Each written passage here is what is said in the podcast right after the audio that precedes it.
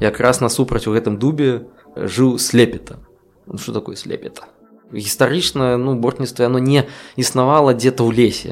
Галоўны навык мне здаецца для бортніцтва гэта ўмець лазіць па дрэвах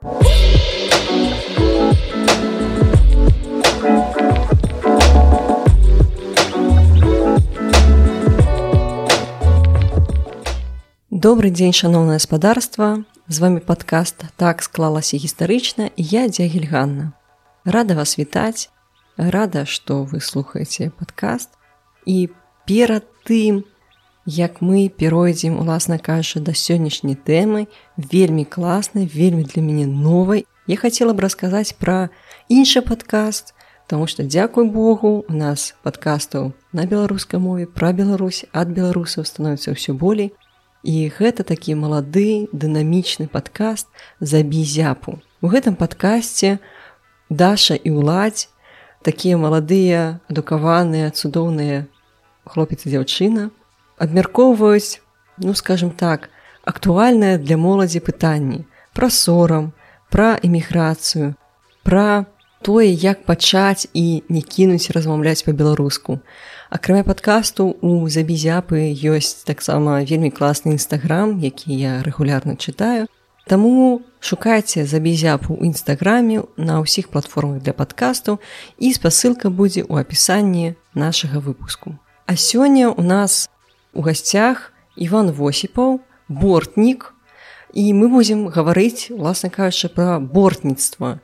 Па шчырасці я нічога амаль не ведала пра бортніцтва, акрамя таго, што бортніцтва два разы ўпамінаецца у школьных падручнікаў школьнай праграмы. Недзе калі гаворыцца пра спажывецкую гаспадарку, што вось было збіральніцтва, бортніцтва, а потым недзе магчыма пра 16 стагоддзе, калі гаворыцца, што вось некаторыя сяляне яны займаліся бортніцтвам.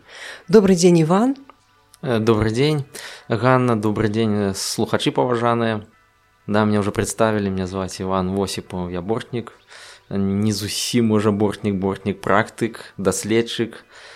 І ну краязнаўца таксама можна так сказать да вось ганна рассказала цікавы конечно для мяне нават. Такія ўспаміны пра бортніцтва са школьнай праграмы. Я вось кожны раз калі ў google заходжу і уводжу бортніцтва то знаходжу нейкі пераказ бортніцтва ці бортнік. І заўсёды не разумею адкуль гэта все бярэцца да вось тэма бортніцтва і цікава тым што яна з аднаго боку схаваная ад грамадства схавана ад усіх нас а з другого боку мы все звязаныя з гэтай тэмай не проста з тэмай з гэтым промыслом что ж такое бортніцтва да вось самае цікава да що ж такое бортніцтва заўсёды на такое пытанне кажа бочки робяць? Я кажу ну да только бочки робіць это бандарство а бортніцтва гэта калі чалавек займаецца пчоламі А калі падыходзіць больш шырока з гэтаму панятку, то гэта першапачатковая форма пчалярства, дзе бортнік, чалавек даглядае, ахоўвае пчол. Ну, звычайна скажем дзікіх пчол або пчол, якія жывуць у дзікіх прасторах у борцях гэта такія штучныя дупла зроблены ў дрэвах жывых дрэвах або калодах вуллях ну гэта атрымліваецца як бы дрэва якое жыло але ўжо стала мёртвым а там все равно дупло захавалася ну такое вельмі сціслае калі мы будзем браць тлумачэнне. Але ж гэта не ўсё не толькі гэта.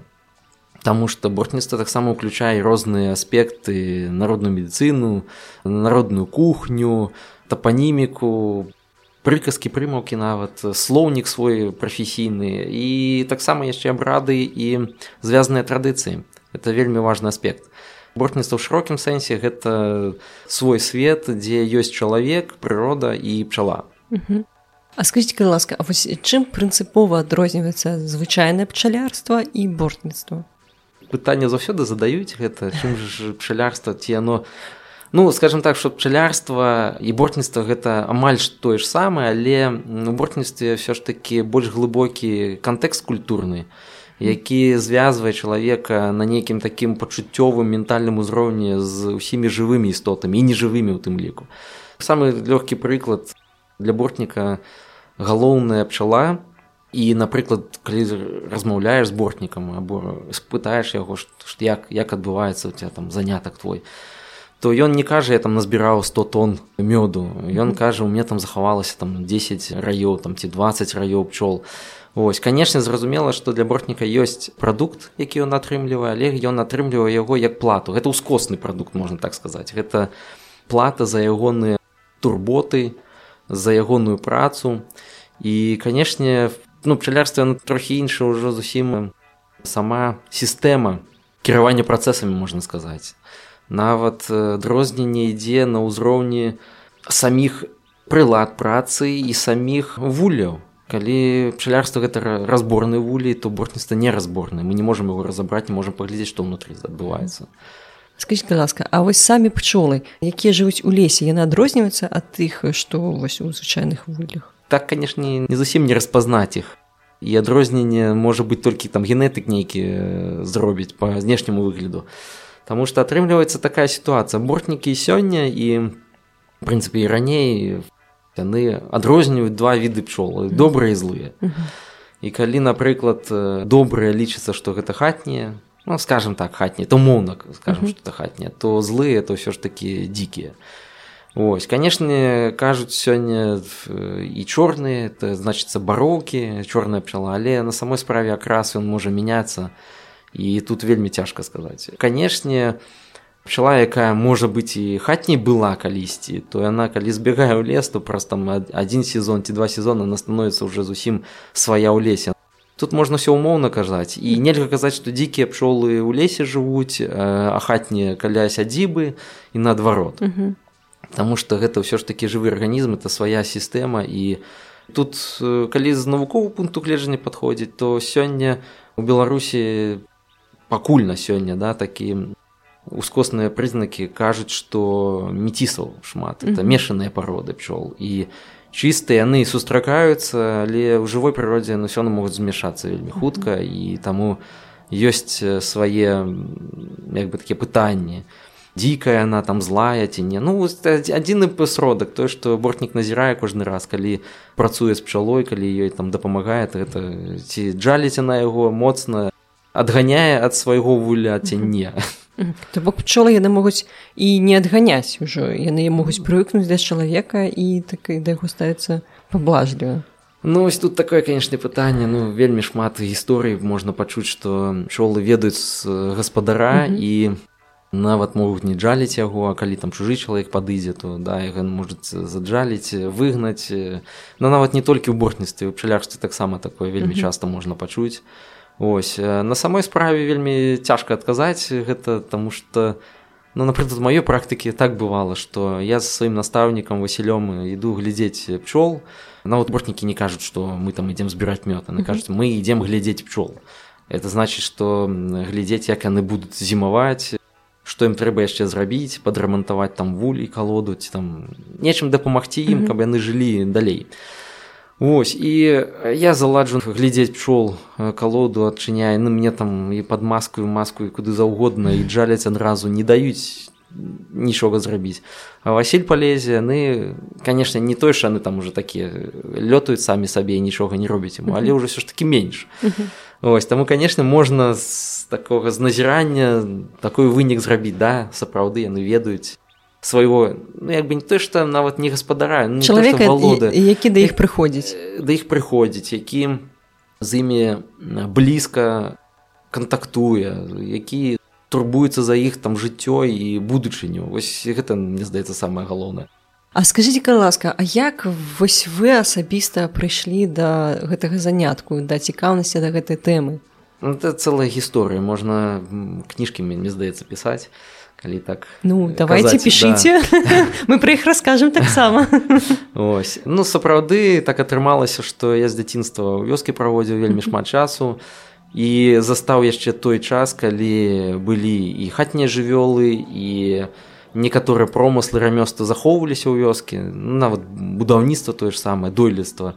Ось. І з амаль што там 5-4 гадоў я ўжо не у мне была одна мара ў 5 гадоў гэта калі мне будзе 6 год і тут не той що ў школу я пойду там мне было нейкі я тады не думаў што я ў 6 год пойду ў школу. Мне было тое што мне можна ўжо будзе пасвіць карова там вяршыць стагі і набіраць з калодзезе воду. Это mm -hmm. все это мне дазвалялася грамада уже можна сказаць дазвол выпісвала я уже мог гэтым займацца і гэта мне самае было цікава я заўсёды за ўсім назіраў і канешне калі мы ў лесе касілі там траву сена нарыхтоўвалі для кароў коней то канешне сустрака ў лесе ізноў жа пчол які ў дуплах жывуць такое было настолькі натуральна для мяне асабіста што пчолы жывуць у лесе. Пчаляроў я тады яшчэ малы не бачу асабліва ну у вёскі яны былі но я да іх у госці не заходзіў ніколі ось я паступова рос вырастаў становіўся падлеткам і мне ўжо было цікава вандраваць па ну, сваіх мясцінах малой радзімы і канешне я ўжо тады пачынаў вышукваць адшукваць мэтанакіравана нейкія цікавыя аб'екты там у лесе ці не вот, зноў жа на тэрыторыі э, малой радзімы вялікай і пачаў задаваць вельмі шмат пытанняў сваім сваякам ці не сваякам нават і канешне я уже тады пачаў разумець што ну, вёска багатая не толькі нейкімі там гісторыямі байкамі але нейкімі цікавымі промысламі рамёствамі сваімі такімі паўсядзённымі працоўнымі днямі але гэта можна па-іншаму падаць і паглядзець на это все па-іншаму. І якраз у гэты час падлеткавы час мне трапілася кніжка вядомых у тэме бортніцтва ну, навукоўцаў. Яны напісалі такі навукова-папулярны вялікую працу заняцця іздрывля благароднае это якраз пра гісторыю бортніцтва эвалюцыю ягоную з сівой даўніны да сучаснасці і у якраз я потрапіў на гэтую кніжку і такой думаю да што ж так? Мне ж лясоў столькі шмат і няма ніякого следа бортніцтва і вось ад гэтага і пачалося цікаўнасць просто чыста паглядзець і даведацца сапраўды бортніцтва ёсць. І было яно на ну, межах супольнасці малой радзімы ці не было. І канешне я уже тады пачаў вышукваць для сябе на гэтую тэму як это звычайна сачыненне да раскрываць тэму праз напісанне вось такого твору. Я пачаў ужо распытваць сваяко уже мэтанакіравана дзе там пчол трымалі як трымалі дзе былі борці былі калоды былі. Уже тады тэрміналогію уже зразумеў якая яна. Мне это было блізка бо сам занятак быў блізкі. Зрабіць калоду трэба руками працаваць таксама і галавой трэба працаваць таму што трэба разлічваць абыходзіць все кругом. Як такі з аднаго боку як воўк да якога ногі кормяць да ён бегае паўсюль так і мне прыходзілася паўсюль бегаць глядзець адшукваць гэтыя следы бортніцтва. Калі там дзед нейкі расказаў што ось там борці былі там калоды стаялі то все уже паляцеў Ось. І гэтая вось гісторыя она і працягвалася не адзін год. Я пастаянна адшукваў адказы на розныя пытанні я шукаў іх і энцыклапедыях кнігах і гістарычныя кнігі вычытваў ну мне это все было б цікава вось гэта цікаўнасць назіральнасць да ўсяго там самае галоўнае чаго пачалося бортніцтва для мяне. А калі вы сваю першую борць паставілі борт ну як бы да тэрміналагічна борт не паставіць борт так. можна зрабіць так потому что борт больш да дупла адносіцца хаця ага. тэрміналогія не забараняе выкарыстоўваць этой калоду канешне я мне такі был трохі іншы шлях. Я ўсё ж такі разумеў што тэма якую мала хто ведае увогуле ў грамадстве і для сябе я раскрываў яе я не ведаў як зрабіць борт як зрабіць тую калоду я не ведаю які інструмент я просто яго ніколі не бачыў тым якім можна зрабіць ці борці калоду таму для мяне было ўжо цікава гэта. Я пачаў шукаць адказы кніжкі чытаць этнаграфічныя в асноўным гістарычныя і ну, шостого года я гэтым займаўся шукаўся вышукваў да знаходзіў пачаў сацыяльнай сеткі весці ну такой больш сучасную такую практыку уводзіць у бортніцтва папулярызацыі нават так можам сказаць. І у пэўны час мне патрапілася магчымасць такая ну паехаць у экспедыцыю першую сваю экспедыцыю ну такую ну, не, не ведаю навуковую ці это класічную экспедыцыю.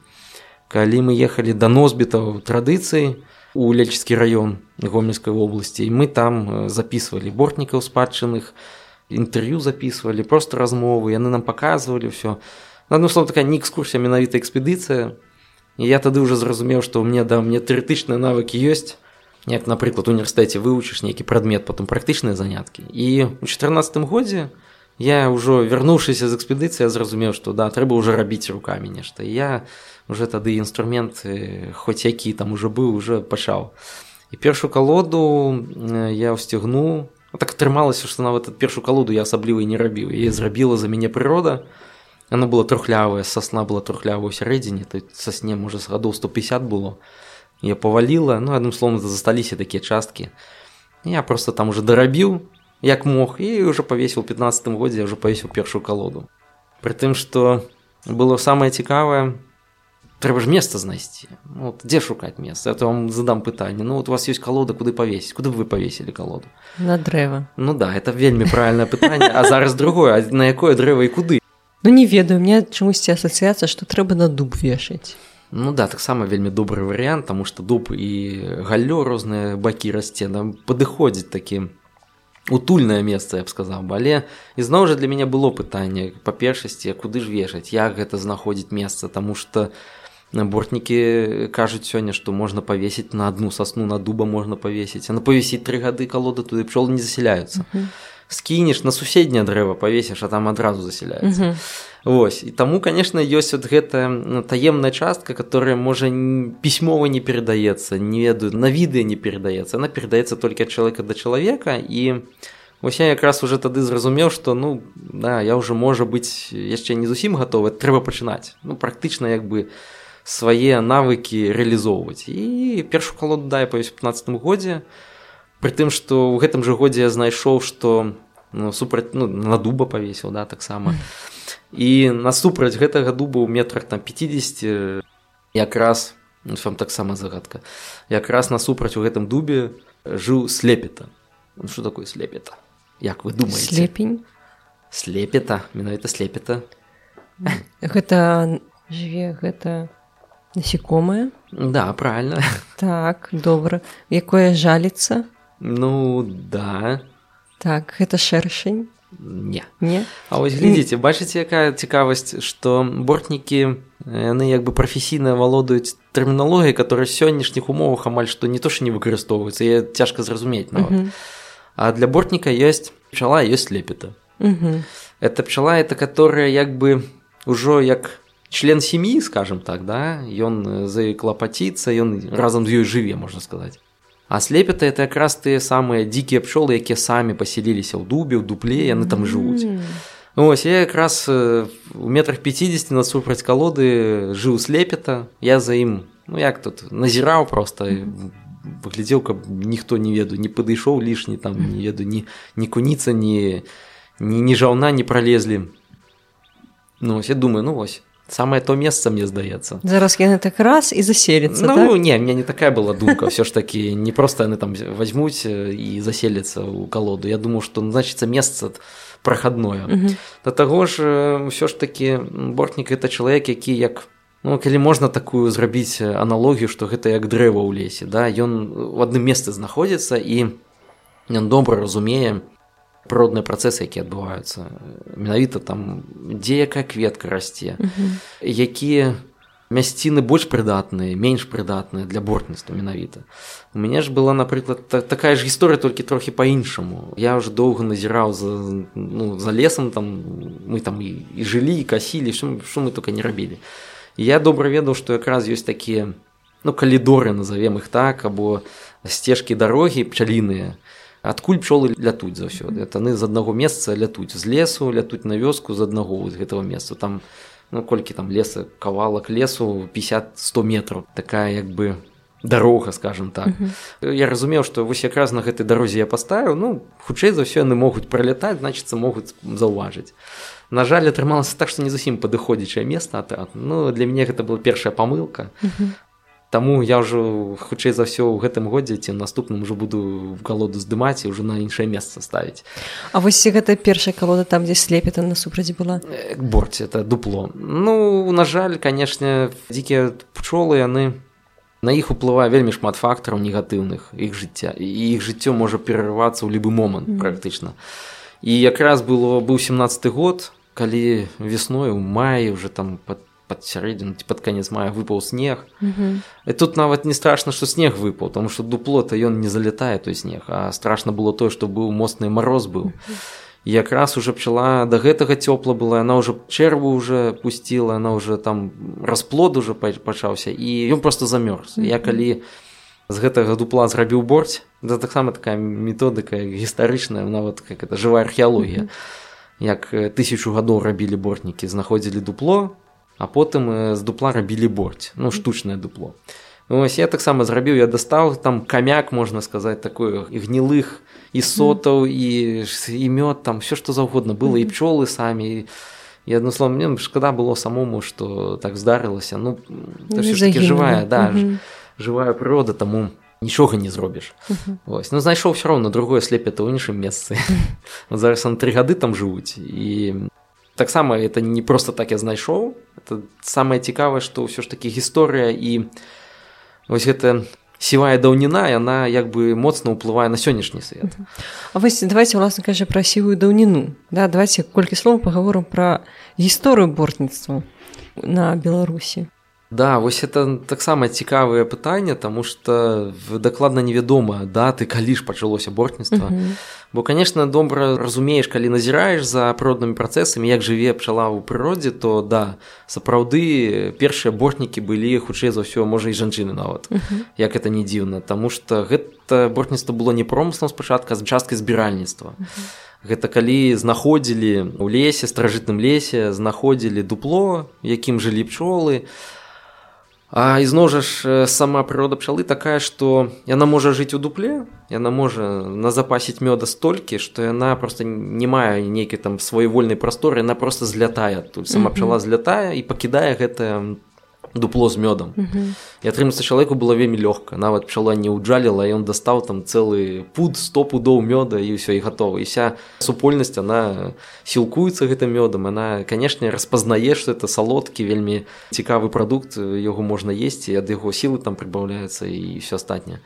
І канешне збіральніцтва оно доўга не магло цягнуцца. Ну невядома ізноў там тысячу гадоў яно было там ці колькі Вось і зразумела, што чалавек назіраючы за прыроднымі працэсамі зразумеў, што можна зрабіць самому дупло. Uh -huh. Я ўжо казаў тут недавно, што да калі дупло пчоламі пакінута, то конечно дастаць адтуда рукой нічога немагчыма. Таму прыходзіцца нейкімі інструментамі і гэта могуць быць і каменныя сякеры, там могуць быць і з крэмення зроблены сякеры, ну і тым ліку і жалезныя ну як-то выдзёўбваць да рабіць само дупло штучна і уже даставаць адтуль мёд. Uh -huh. і пасля таго як зрабіў чалавек першыню гэта ён зразумеў што так можна зрабіць і ў іншых месцах. Вось а улічваючы што ў дзікай прыродзе там тысячу і две тысячи гадоў таму і пчол было больш Лесо і лес быў іншы uh -huh. Вось таму канешне было не то што прасцей займацца але трохі было як бы ясней да ясна было як займацца і што калі зрабіў то магчыма заселіцца. А вось першыя пісьмовыя крыніцы пра бортніцтва якія ў нас ёсць? Ну можа не ў нас зусім но вот в нашым рэгіёне скажем так гістарычна першае ўзгадваецца гэта руская праўда звод законаў ну або там скажем так нават не то што звод законаў колькі запісаных звычаёвых норм.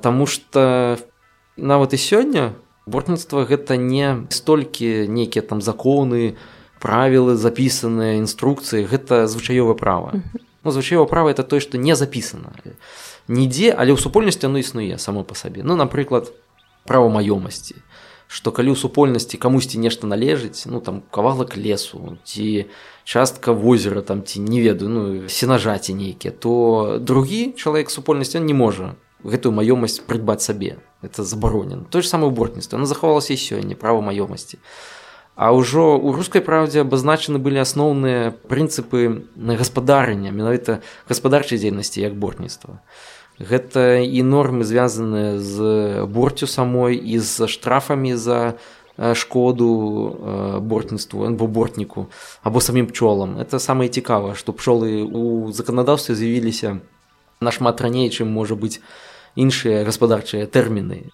І ўжо вот у рускай правдзе ўжо вядомы гэтыя паняткі. Но зноў жа яны прыйшлі з звычаёвого права яны існавалі ўжо у супольнасцях. І таму нельга казаць што ось упершыню згадалі. Згадалі пісьмова да.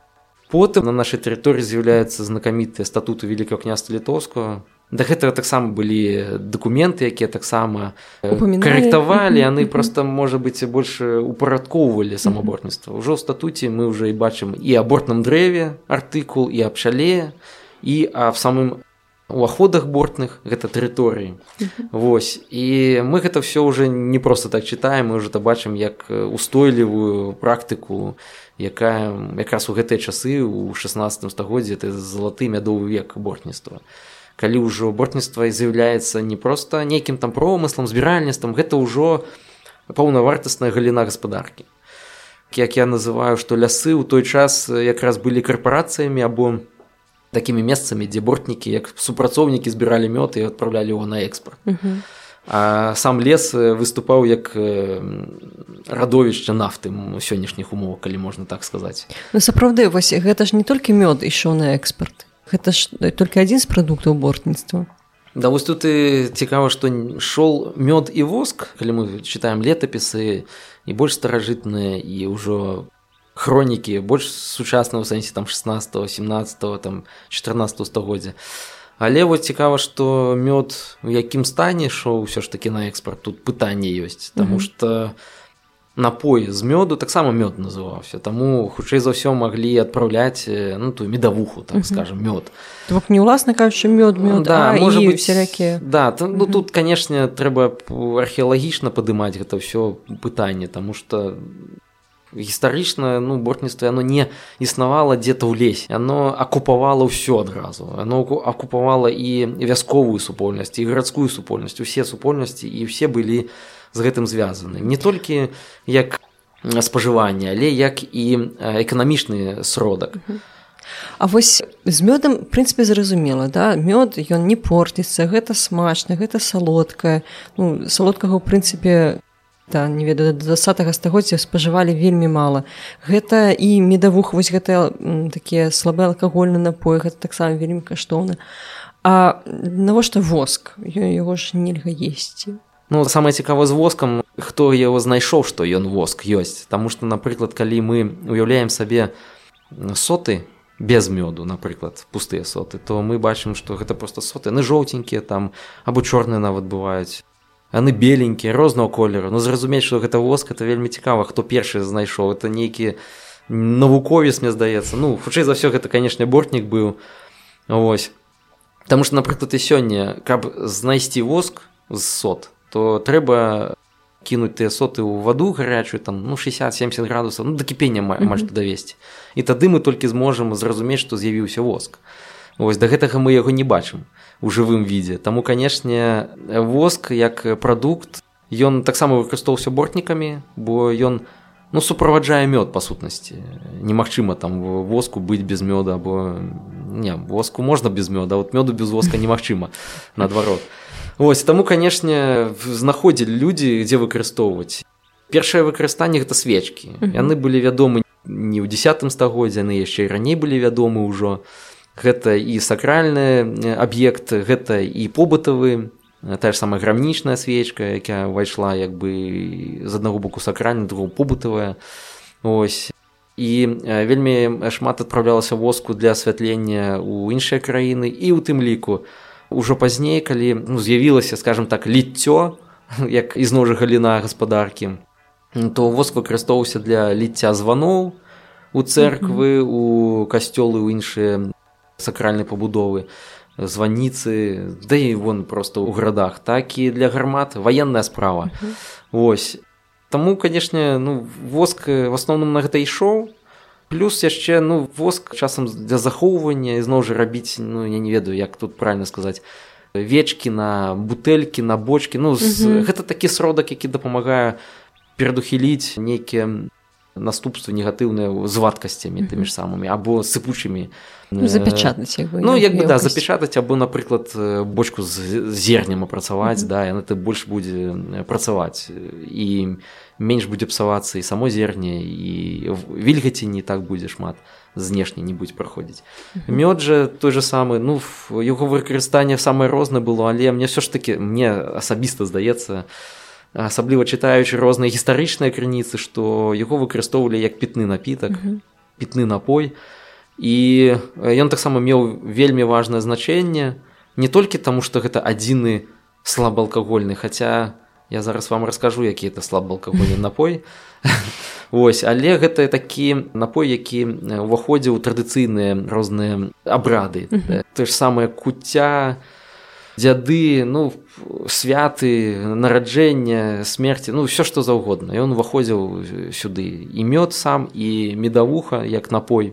Вось. І нават сустракаюцца гістарычна археалагічныя ну, гістарычнае мне все ж таки больш даецца выпадкі калі магнатаў ці ну князёў скажем так не княжых асоб хавалі у мёдзе ну можа быть гэта такі нейкі абрад быў невядома ну все роўно такое было.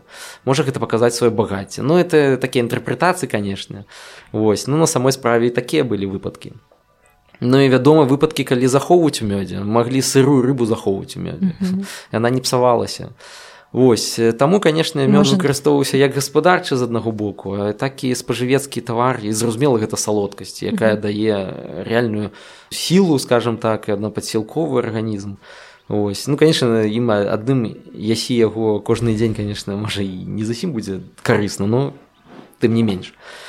А вось все ж таки прамёт медавуху. Да вось сустрэў я ізноў жа чытаючы гістарычныя крыніцы археолог э, падаецца у полацку калі ў пачатку два стагоддзя раскопывалі курганы знайшлі бутэльку ну бочачку да медавухі. Ну і все ж таки археолог вырашыў паспрабаваць. Но она запечатана все цэленькае вырашыў паспрабаваць. Ну каўтануў трохі да все выдохлася выдохлася а колькі там уже 600 гадоў было той вытрымкі да ну 600 гадоў медавухі ну что ну выдохлася ты трэба ісці працаваць а ўстаць не можа ну, сидзіць нормально встать не можа все не працуюць ні ногі ні руки все ну конечно за да таму кажуць что медавуха яна трохі по-іншаму працуе і сапраўды не слаба алкагольны напоі чым больш вытрымка тым больш у яе вот этих градусаў да і адсоткаў алкаголю ось. І яна працуе па-іншаму она не туманіць голову але ногі і руки яны не працуюць так цікава цікава канешне А вось крыцька ласка 16 стагоддзя гэта я так разумею найбольш мы ведаем крыніцы гэтага часу пра бортніцтва яно найбольш ужо рэгулюецца заканадаўствам а потым што адбываецца у 17 18 стагоддзі нам вядома па-ранейшаму гэта такая вельмі важная экспертная галіна. Ну, чаму от мядовы век і залаты век бортніцтва 16 стагоддзя? Бо ну сапраўды уже ж паўтаруся што да ўжо існавала гэтая галіна як эканамічная галіна гаспадаркі великакняскай гаспадаркі. І канешне мы назіраем у гэты час што найбольшы росквіт якраз экспарту быў менавіта шаліных прадуктаў мёду і воску. Напрыклад чым можна параўнаць? Гэты час можна параўнаць з нафтаперапрацоўчай галіной. Калі асноўны прадукт які здабываецца на тэрыторыях ну сучаснай беларусі і ён экспартуецца пры тым што нават карысці і прыбытку больш нават чым калі экспартаваць драўніну у той час. Вось але паступова гэты вось перекос скажем так з скажем натуральных прадуктаў з экспарту натуральных прадуктаў на экспарт драўніны і прадуктаў леса перапрацоўкі ён павялічваецца таму мы назіраем э, значнае скарачэнне самой вось прасторы дзе можна займацца бортніцтвам Вось. Але яно все равно захоўваецца пакуль. Пакуль яшчэ не так прыбыткова экспартаваць драўніну яшчэ ў там 16 і 17 стагоддзях яшчэ гэты парытэт складаў адзін к семі ну сем разоў было выгадней экспартаваць сам мёд і воск чым драўніну. Але паступова гэта все змяншалася. Прамысловая рэвалюцыя адбываецца ў Европе самі лясы скарачаюцца іх плошчы. Ну сам гэта такія працэсы эканамічныя якія адбываюцца яны змяняюць сам фокус з вось гэта натуральных прадуктаў або прадукту які можна атрымаць з лесу на ўжо прадукты якія можна выкарыстаць з лесу Вось і таму ўжо там ну 18 стагоддзе мне здаецца яшчэ там апошнія можа быць часы калі бортніцтва сустракаецца ну сэнсе не то што сустракаецца тут правильно сказаць оно яшчэ практыкуецца але ўжо яе выхад значна меншы. Да таго ж трэба ўлічваць што адбываюцца змены і тут вельмі складана адзначыць калі яны пачаліся. Па скарачэнню колькасці саміх пчол. Гэта быў натуральны напрыклад працэс Таму што вядомы летапісныя сведчанні што ў 16 стагоддзі былі калі красаваліся сады і нават не толькі сады і дрэвы і кветкі то выпадаў снег. Ну малы ледніковы перыяд так званы калі халады былі летом мороз снег быў летом. Ну такія выпадкі маглі добра падкасіць саму папуляцыю пчалы но гэта ізноў жа это трэба тут падыходзіць з навукову пункту гледжання падыходы выпрацоўваць там што не все так проста і можна адразу адказаць на гэтае пытанне. Але ўжо там 18-19 стагоддзях вядома што ўжо было займацца бортніцтвам не не то што непрыбыткова. Па-перша непрыбыткова таму што ўжо драўніна была як асноўны прадукт. Па-другое гэта прыносіла менш карысці для самой сям'і напрыклад ці там прафесійнага супрацоўніка. Таму што Ну гэты час вядомы такая прапорцыя адзін к семі гэта адна заселеная борці сем пустых там. Mm -hmm. А все роўна трэба все абслугоўваць. Гэта быў і быў застаецца і сёння і раней быў гэта вельмі цяжкі занятак і патрабаваў і фізічнай спрытнасці і фізічных навыкаў. І праца цягнулася не, не адзін дзень скажем так. Это патрабавала часу значнага. Таму канешне гэта занепад ён ішоў паралельна і са зменай навакольного асяроддзя са зменай эканамічных фармацый падыходу і канешне ўжо у 19 стагоддзі гэты занятак ён як бы звужаецца да ён становіцца не галіной гаспадаркі он спачатку становіцца менш он становіцца такой невялікім сектарам гаспадаркі потым ён захоўваецца ў выглядзе такой сямейнай традыцыі mm -hmm. ну сёння сямейная традыцыя раней такой больш сямейнай гаспадаркі бо mm -hmm. мы добра ведаем і што вясковая адзінка двор або сям'я она займалася ўсім амаль што там займаліся і сельскай гаспадаркі жывёлагадоўлі і ў тым ліку вось займаліся і пчоламі сёння таксама гэта засталося оно адчуваецца калі бортнік ён неяк бы не займаецца з нейкіх там прычын асабістых ну пчоламі і бортніцтвам он займаецца гэтым таму што гэта ягоная частка гаспадаркі. Вось это асаблівая частка гаспадаркі для на таксама з'яўляецца. А вось скажитеце ласка а сучасныя бортнікі. Адкуль яны ўзяліся? Гэта сямейная традыцыя альбо гэтаму можна недзе навучыцца. І чаму напрыклад чалавек ён выбірае займацца менавіта бортніцтвам а не звычайным пчалярствам з гэтымі рамачнымі вуллямі? Ну, тут адразу три пытанні. Ну так бортнікам ну з аднаго боку і не нараджаюцца людзі з другім боку могуць і стаць. Ну першае канешне бортнікам трэба нарадзіцца ўсё ж такі. Чаму так? Таму что галоўны навык мне здаецца для бортніцтва гэта ўмець лазіць па дрэвах Таму што і сёння бортнікі паказваюць як гэта рабілася і 100 200 гадоў таму як это рабілася і тысячу гадоў таму. Гэта як бы жаданне і навык ён не просто так.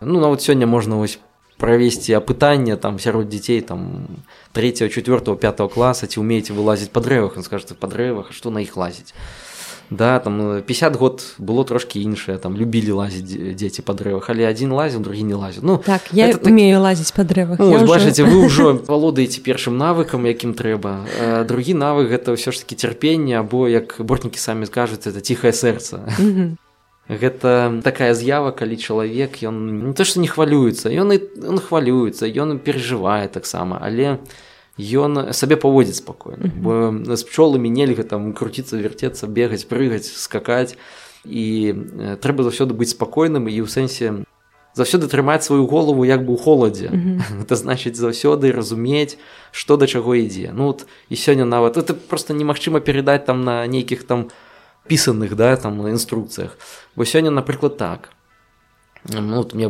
мой настаўнік кажа ну што лезь ледзі пчол я лезу кажу ну все тут галіна абламалася як бы ну лезці можна паспрабаваць неяк там зачапіцца то ну лезці ізноў жа на дрэва а у бортніка не так. Бортнік кажа ну калі немагчыма то злазім пайшлі да хаты uh -huh. і гэта значыць што нельга той парадак парушаць які ёсць. А парадак ён не толькі некія там правіла але яшчэ перасцярогі uh -huh. такая тэхніка бяспекі калі па сённяшняму казаць. Калі вы выпаў дождь прайшоў дождь то нельга ісці глядзець пчол там ну цэлая ёсць сістэмы просто забарону што нельга рабіць І вось гэта якраз і паказвае што хочется жа хутчэй палезці тых пчол глядзець там мёду можа дастаць там ці штосьці а нельга. Все ты спакойна збіраешься і пайшоў это таксама ну, такая вельмі цяжка калі хочется але ёсць абставіны которые тебе не дазваляюць і ну мне здаецца на не то што трэця нават а ўсё ж такі гэта уменне разумець чалавека не толькі што яны кажа што яны таксама адчувае.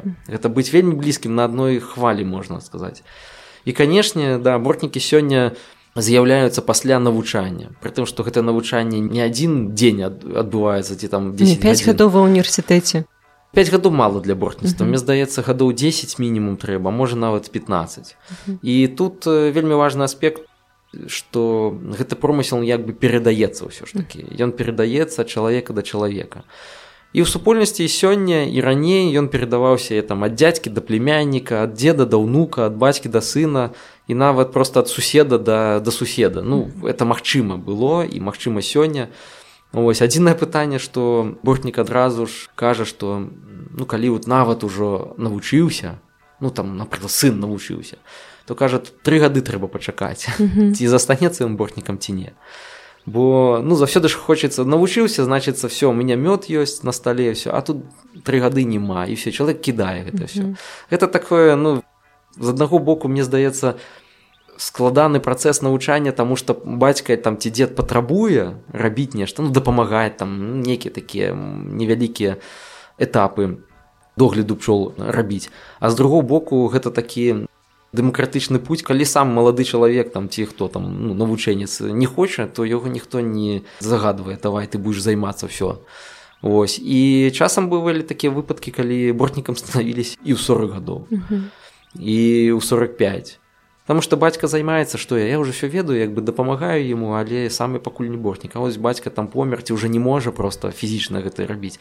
то уже все становіцца спадчына перадаецца гэта такі больш глыбокі працэс і ён больш звязаны з якраз з традыцыяй сямейнай такой доўгай гісторыі дынастыі вось сёння вядома што некаторыя дынастыі там і 500 гадоў цягнуцца ось і у, у нас у беларусі, у нас беларусі да. Угу конечно вельмі цяжка гэта ну пацвердзіць там дакументальна дайце мне там пашпарт што вы 500 гадоў там займаецеся гэтым. Але калі бортніка слухаеш або просто ён тебе расказвае як там дзед прадзед займаўся ад прадзед там інструмент захаваўся А вось прадзед там такую-то мянушку атрымаў за тое што ён займаўся гэтым промыслам то разумееш што гэтая традыцыя ўсё роўна цягнецца мінімум там 100 200 гадоў. Ось і калі там напрыклад калоды 200 гадовыя ёсць у сям'е на захоўваюцца то зразумееш што не проста яны там узяліся з крамы іх набылі і все ось таму такая сямейная гісторыя она як бы цалкам адпавядае той гісторыі якая была ў самого бортніцтва ось гэта все ж такі бортніцтва гэта людзі. І людзі якія займаюцца і займаліся яны як бы і займаюцца сёння. Канешне сённяшнія працэсы яны негатыўна адбываюцца адбіваюцца на самым бортніцтве і магчыма конечно пра 100 гадоў мы зусім іншыя пабачым сістэму. Але сёння пакуль гэта все той самы тое самае бортніцтва якое было і тысячу гадоў таму. Конечно можа быть мы там можна адразу пытанне задаць ну як такое тысячу гадоў таму? Я сам здам ну што сапраўды тысячу гадоў таму і сёння тое ж самае? Ці не? Як вы думаете Ну я думаю все ж таки нейкія змены ёсць але калі казаць пра аснову то яны мне здаецца цалкам могуць захоўваюцца традыцыйныя рэчы такія. Ну вот да вот з аднаго боку такая нематэрыяльная спадчына она захавалася да она перадаецца і лёгка ну адносна лёгка перадаць. Этот чалавек расказал там дзед расказал муку ён запомніў. Але я вам яшчэ больш скажу што нават інструменты которые былі тысячу гадоў таму яны захаваліся і сёння. Не ў сэнсе што ім тысячу год в сэнсе што канструкцыі которые выкарыстоўваюся тысячу год таму яны і сёння існуюць яны не змянілі свой выгляд яны не змянілі сваё функцыянальнага назначэння ну в сэнсе яны так і засталіся тое ж самае лезева это тая самая прылады па якой можна пазнаць бортніка ў лесе або просто пазнаць яго это спецыяльная такая вяроўка зробленая са скуры плеценая вяроўка са скуры або з пянькі канапель зробленая Яна мае такую лавачку, на якой можна сидзець і круг, які можна чапляцца, не ў сэнсе за дрэва. Сёння альпіністы выкарыстоўваюць, я не ведаю, як это правильно па-альпіністкі згучыць спецыяльную сістэму блокаў і вязак. Вось той ж самы бортнік. Але ён ну, як тысячу гадоў таму лазіў на гэтай прыладзе, так і сёння выкарыстоўвае яе. Вось і гэта мне здаецца самы галоўны прызнак або доказ таго, што бортніцтва мае не там не 100 гадоў гісторыю, она мае вам тысячу год і можа больш нават. Uh -huh і нават сёння з энтузіастамі мы спрабуем аднавіць эту тэхніку як плесці са скуры лезева тое ж самае это просто космос. Бо ну як бы крыніц такіх няма інструкцый зрабіце тое сё і вас все атрымалася бо прыходзіцца заўсёды гэтую тэхніку як бы нанова вынаходзіць таму што яна настолькі простая і настолькі складаная што нават не ведаеш з чаго пачаць та ж самая скура. З аднаго быка можна было ну амаль што з аднаго быка можна было сплесці. Здаецца дзе ўзяць лезева которое 25 метров гэта там 5 полосак плеціна дзе взять столькі скуры.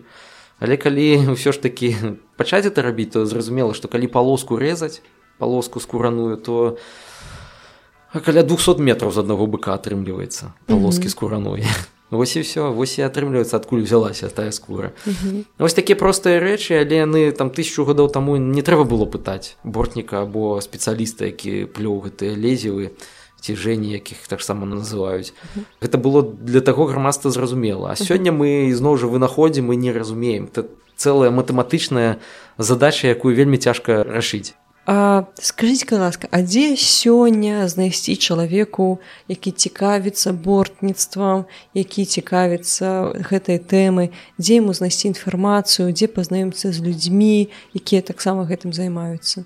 Ну я в свой час распачаў вялікую такую працу по таму каб бортніцтва было доступна у такім віртуальнай прасторы. Таму і быў створаны сайт бортніцтва бай або просто в гугле можна бортніцтва ўвесці я думаю там.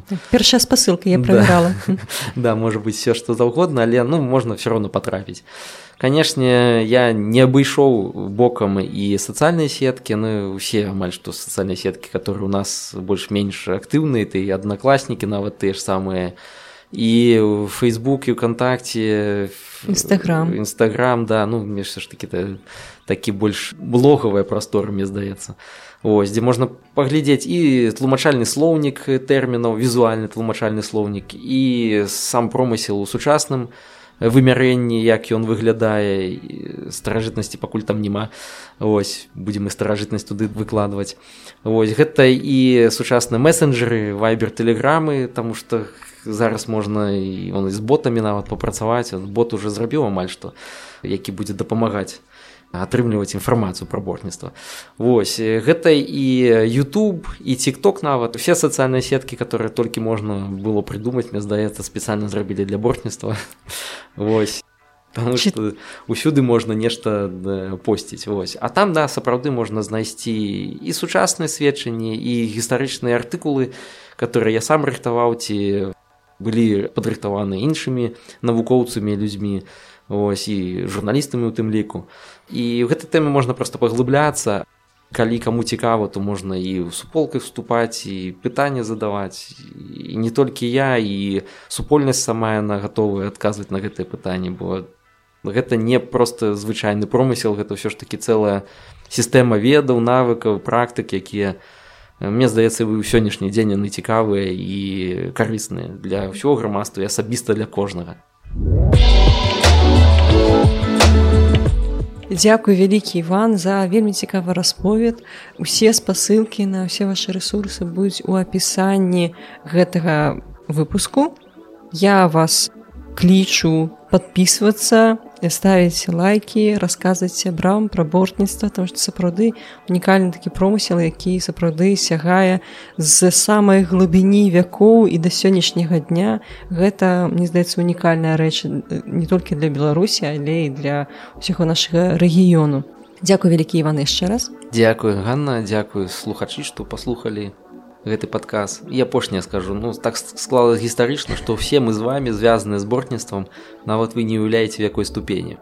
Калі раскрыць гэтае пытанне то 100 гадоў таму 80соткаў насельніцтва беларусі жыло ў вёсках і ўсё гэта насельніцтва карысталася прадуктамі пчалярства. А 100 гадоў таму гэтыя прадукты пчалярства здабываліся дзякуючы бортнікам адным мортнікам у кожнай вёскі ці суседніх вёсак але яны ўсё роўна былі ад тых самых наших пчол які ў лесах жывуць дзякуй Таму усе мы той ці іншай ступені выкармленыя пчоламі бортнікаў Дзякуй вялікі за тое што паслухалі наш выпуск калі ласка пішыце каменты пішыце водгукі стаўце зорачкі на тых платформах дзе вы слухаеце пішыце водгукі там дзе гэта магчыма расказвайце сябрам подписывайтеся на наши сацыяльныя сеткі нстаграм фейсбук укантакце слухайце на apple подкастах яндекс музыкі google подкастах.